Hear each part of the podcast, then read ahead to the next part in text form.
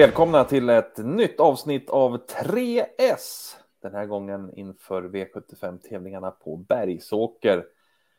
Som ser ut att ha en härlig V75-omgång. Det brukar alltid vara härligt med V75-omgångar. Eller vad säger du Linus som är med oss idag? Det är väl eh, veckans höjdpunkt för eh, de flesta av oss, är det inte så? Så är det ju verkligen.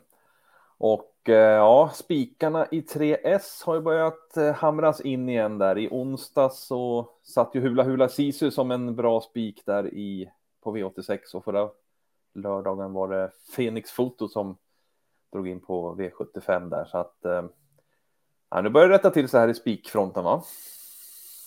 Mm, det gör det verkligen. Hula Hula Sisu var ju faktiskt en riktigt bra spik också. Den trendade inte alls uppåt som vi hade kanske lite på känn, i alla fall när vi pratade internt. Utan den stannade ju på dryga 20 procent, vilket får sägas vara riktigt bra sett till hur mm. enkelt hästen vann. Exakt, så är det. Och nu ska vi gå och eh, leta nya spikar. Eller gå och gå, vi sitter stilla här, men eh, vi ska ha nya spikar så att vi drar väl igång med veckans V75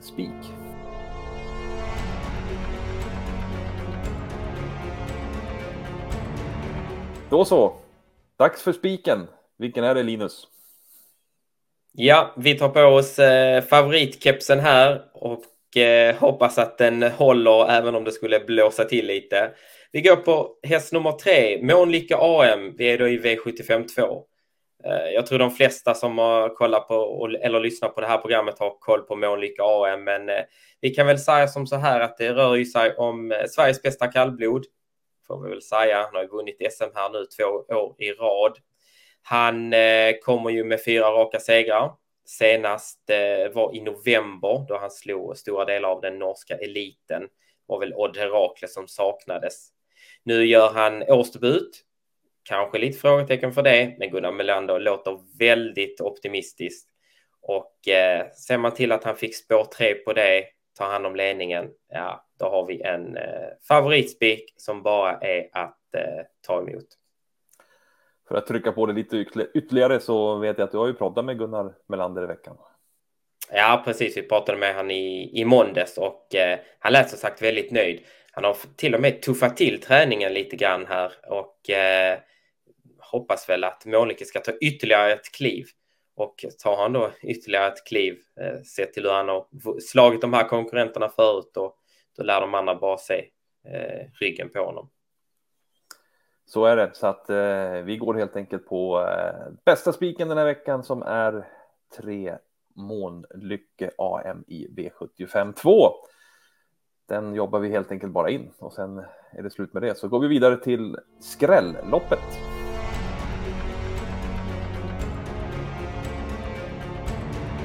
Skrälloppet, det får vi vänta med ända fram till V75 7 där vi ska jobba in en skräll. Men det är ju då såklart inte 7 Bugatti Miles som är favorit. Och hur ser vi på det här loppet? Ja, det vi kan väl börja med att eh, det är vår tipsetta så vi inte eh, lurar någon av banan här. Bugatti Miles eh, gör dock årsdebut här. Comeback efter ett långt uppehåll lite si och så hur det har gått med Daniel Redéns hästar efter uppehållen här. De, de har visserligen börjat trimma igång ordentligt nu, men det har ändå varit vissa hästar som har sett lite tunga ut eh, första starten och här får vi då en eh, Bugatti Miles från spår 7. Han har ju varit lite osäker här bakom bilen en, ett, ett tag nu och Örjan har inte velat ladda med honom så att ja, det finns vingelrisk och frågetecken på formen så att eh, rätt favorit men eh, verkligen ingen vi vill hålla handen. Nej, hur ser det ut loppet i övrigt då? Är det öppet och sträckkrävande eller vad? Vad säger du om det här loppet? Yeah.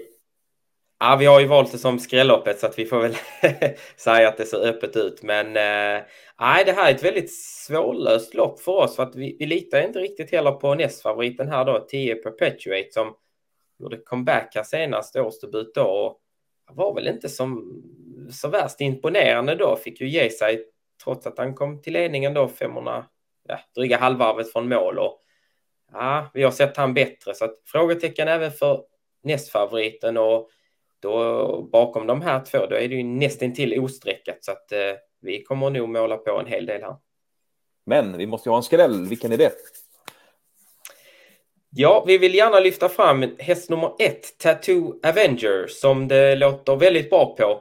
Även han gör comeback här och det är väl också frågetecken såklart. Men eh, ja, Micke Happakangas låter väldigt nöjd inför. Det är ju också en, så att man slänger på maximal eh, balans och utrustning i att han kommer att tävla barfota runt om i jänkarvagn och med norskt huvudlag.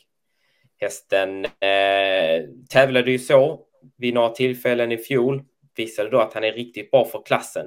Bland annat vann han ju en eh, STL-final i september på Solvalla när han eh, trots galopp i sista sväng svepte dem till slut över upploppet. Hästen han besegrade då var bland annat Perpetuate. Och eh, ja, får vi den här procenten på Tattoo Avenger eh, från innerspåret med de här ändringarna och snacket från stallet. Eh, det, det är för givet för oss att eh, lyfta upp honom då. Ja, nästan otroligt det där när han man galopperar i sista sväng och ändå vinner en V75-final. Sen kan man väl också säga så, även om det är årsdebut på Tattoo Avenger då, så är han, är han ju en lågprocentare så man, man kan ju inte få allt då, jämfört med till exempel Bugatti Miles som är hårt betrodd och, och, och gör årsdebut. Då. Eller vad, vad säger du om de tankarna? Där? Absolut, det håller jag med på. Man, man har ju eh, vad ska man säga, större, större eh, det känns som att det, det, det är enklare att, eh, att ta, ta en årsdebut för en lågprocentare. Då, då får man liksom köpa att det finns några frågetecken, men de större favoriterna, då vill man ju ha så få frågetecken som möjligt. Eh, så det, det teorin köper jag helt klart. Så är det. Så skrälloppet alltså V75 7 och nummer ett Tattoo Avenger. Det är skrällen i V75 7 om vi får säga vårt. Det var skrällen det. Ja, då är det dags för den avslutande rubriken. Det är ju chaset.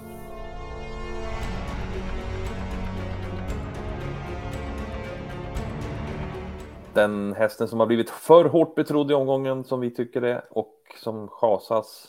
Det är i V75 3 vi ska hitta den hästen i gulddivisionen. Berätta, vem är det vi ska chasa bort? Ja, vi kommer nog chasa bort eh, tre Disco Volante här som vi tycker har fått alldeles för mycket streck på sig. Hästen kommer visserligen från en eh, positiv insats där när han hängde på och helt okej okay, som trea eh, bakom Stole the Show här eh, i finalerna för lördagen. Men ja, i ärlighetens namn, det var länge sedan hästen levererade som man vet att han kan göra och ja, det blir väl säkert spets här nu igen. Men det är full distans nu och även om han såg lite uppåt senast så, så är vi tveksamma till att han orkar stå emot hela vägen. Så är det. Så att det är eh, ingen häst vi vill ha in på våran kupong den här veckan. Tre Disco Volante. Eh, hur går funderingarna på att lösa det här loppet annars? Då? Ja, vi håller ju eh, tre hästar eh, före Disco Volante. Det finns väl inget jättevärde i dem heller som vi ser det, men eh, det kan vara ett tänkbart lås i, eh, i en eh, lite klurig omgång i övrigt. Mm. Härligt, då har vi gått igenom rubrikloppen den här veckan i 3S och sammanfattningsvis så blev det så här spik på tre Månlycke AM i V75 2. Skrälloppet V75 7 där vi jobbar in skrällen ett Tattoo Avenger. Och så kasar vi nummer tre, Disco Volante i V75 3.